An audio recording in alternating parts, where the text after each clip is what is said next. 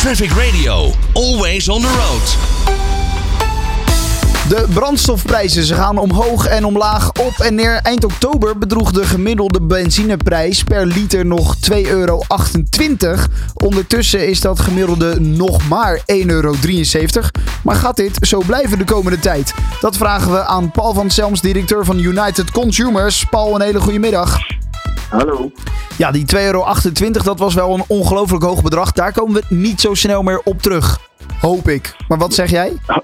Ja, ik hoop het ook niet. Uh, maar ik denk ook dat we de prijzen die we nu hebben, twee kwartjes lager, Ja? uh, ook best uniek zijn. Want in de zomer komt daar in ieder geval voor benzine, accijns en btw over de accijns 20 cent per liter bij.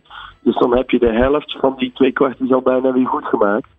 Dus uh, ja, we zitten gewoon nu op een heel laag niveau. Ik denk dat het heel mooi is. Hoewel, ja, mening zo denk ik, vind het duur genoeg. Want jij zegt, uh, daar gaat aan het begin van de zomer gaat daar weer een kwartje bij komen, omdat de accijns weer wordt verhoogd. Ja, ja totaal 20 cent. Dus 17 cent accijns op benzine komt erbij. Plus Ja. 3 cent btw over de accijns. Feitelijk belasting over belasting, maar Allah. En dan komt er dus 20 cent bij in volgens mij juni. En ja, dan wordt die benzine gewoon 20 cent per liter duurder. Daar dat- verdient niemand iets aan, behalve de overheid. Ja, En, en dat, dat, heeft te maken met het feit dat we die, die korting hebben gehad op accijns een, een tijdje terug. Toen het allemaal zo extreem hoog was. precies. Dus eigenlijk gaat de accijns weer terug naar de oorspronkelijke, eh, Ja. het oorspronkelijke niveau.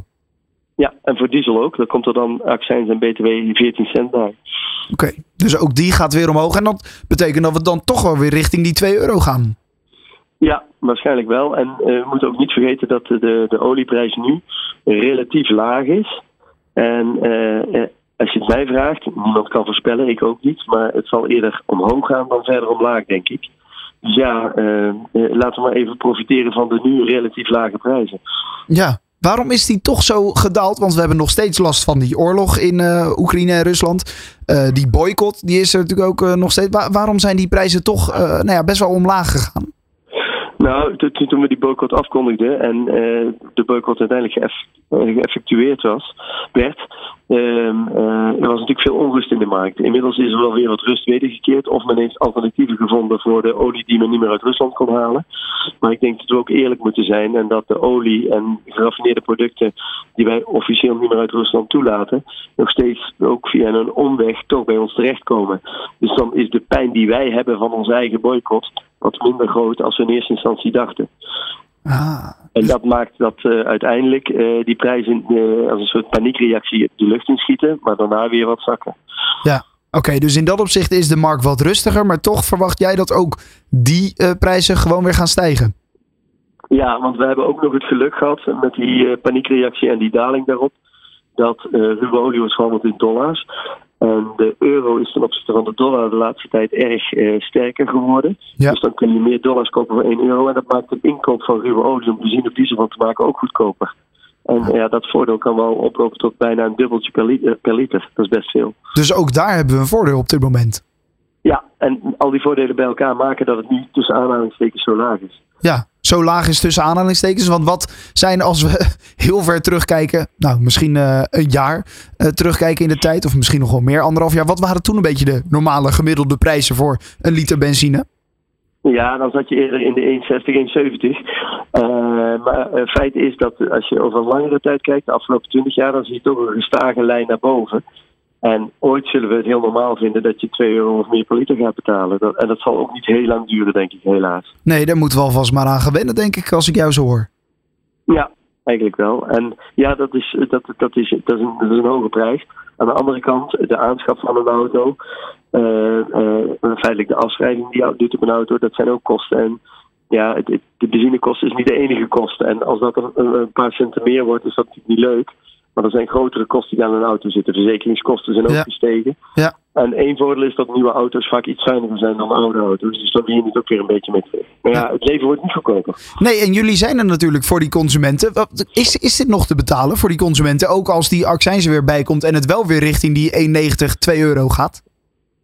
Ja, of, of het te betalen is wel of niet, weet ik niet. Maar de, de noodzaak van mensen om mobiliteit te hebben, zeker als ze al een auto hebben staan, ja, die is best groot. Dus mensen zullen niet snel een auto die ze al gekocht hebben niet meer gebruiken. Dat kan hoogstens voor de nieuwe generaties die auto's kopen een drempel zijn om een auto te kopen. En dat zie je misschien ook wel, want het bezit van een auto, los van mobiliteit, is ook een soort uh, status, uh, statusgevoelig iets.